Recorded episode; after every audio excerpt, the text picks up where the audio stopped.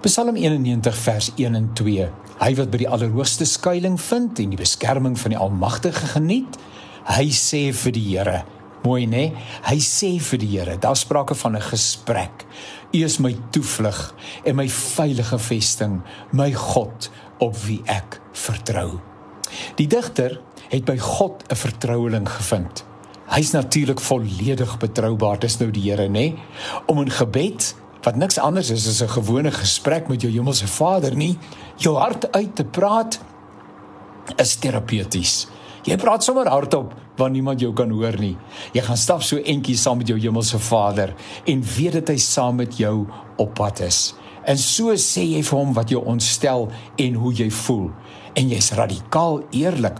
Noem hom goed by die naam. Hy weet tog alles. Hoekom sou jy enigiets vir hom se wou wegsteek? Ons verhouding met die Here is uniek. Dit is so vir elke mens is dit anders. Ons beleef dit anders.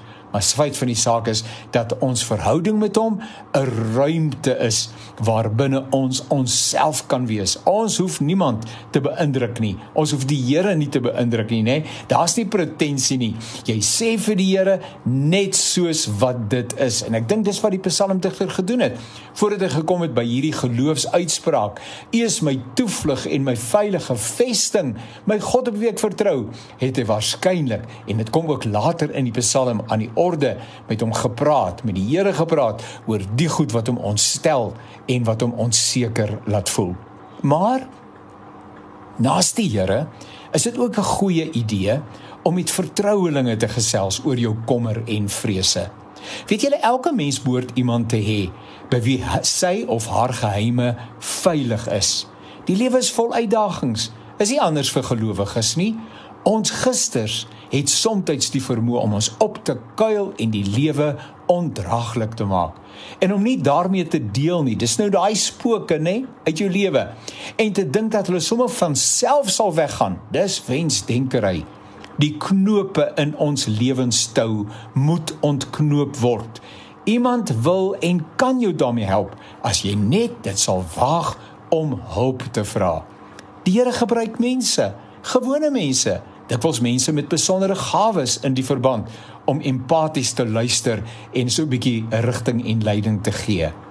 Natuurlik is die Here by uitnemendheid ons vertroueling. Ons hoef nooit bekommerd te wees dat wat ons met hom gedeel het op sosiale media sal beland nie.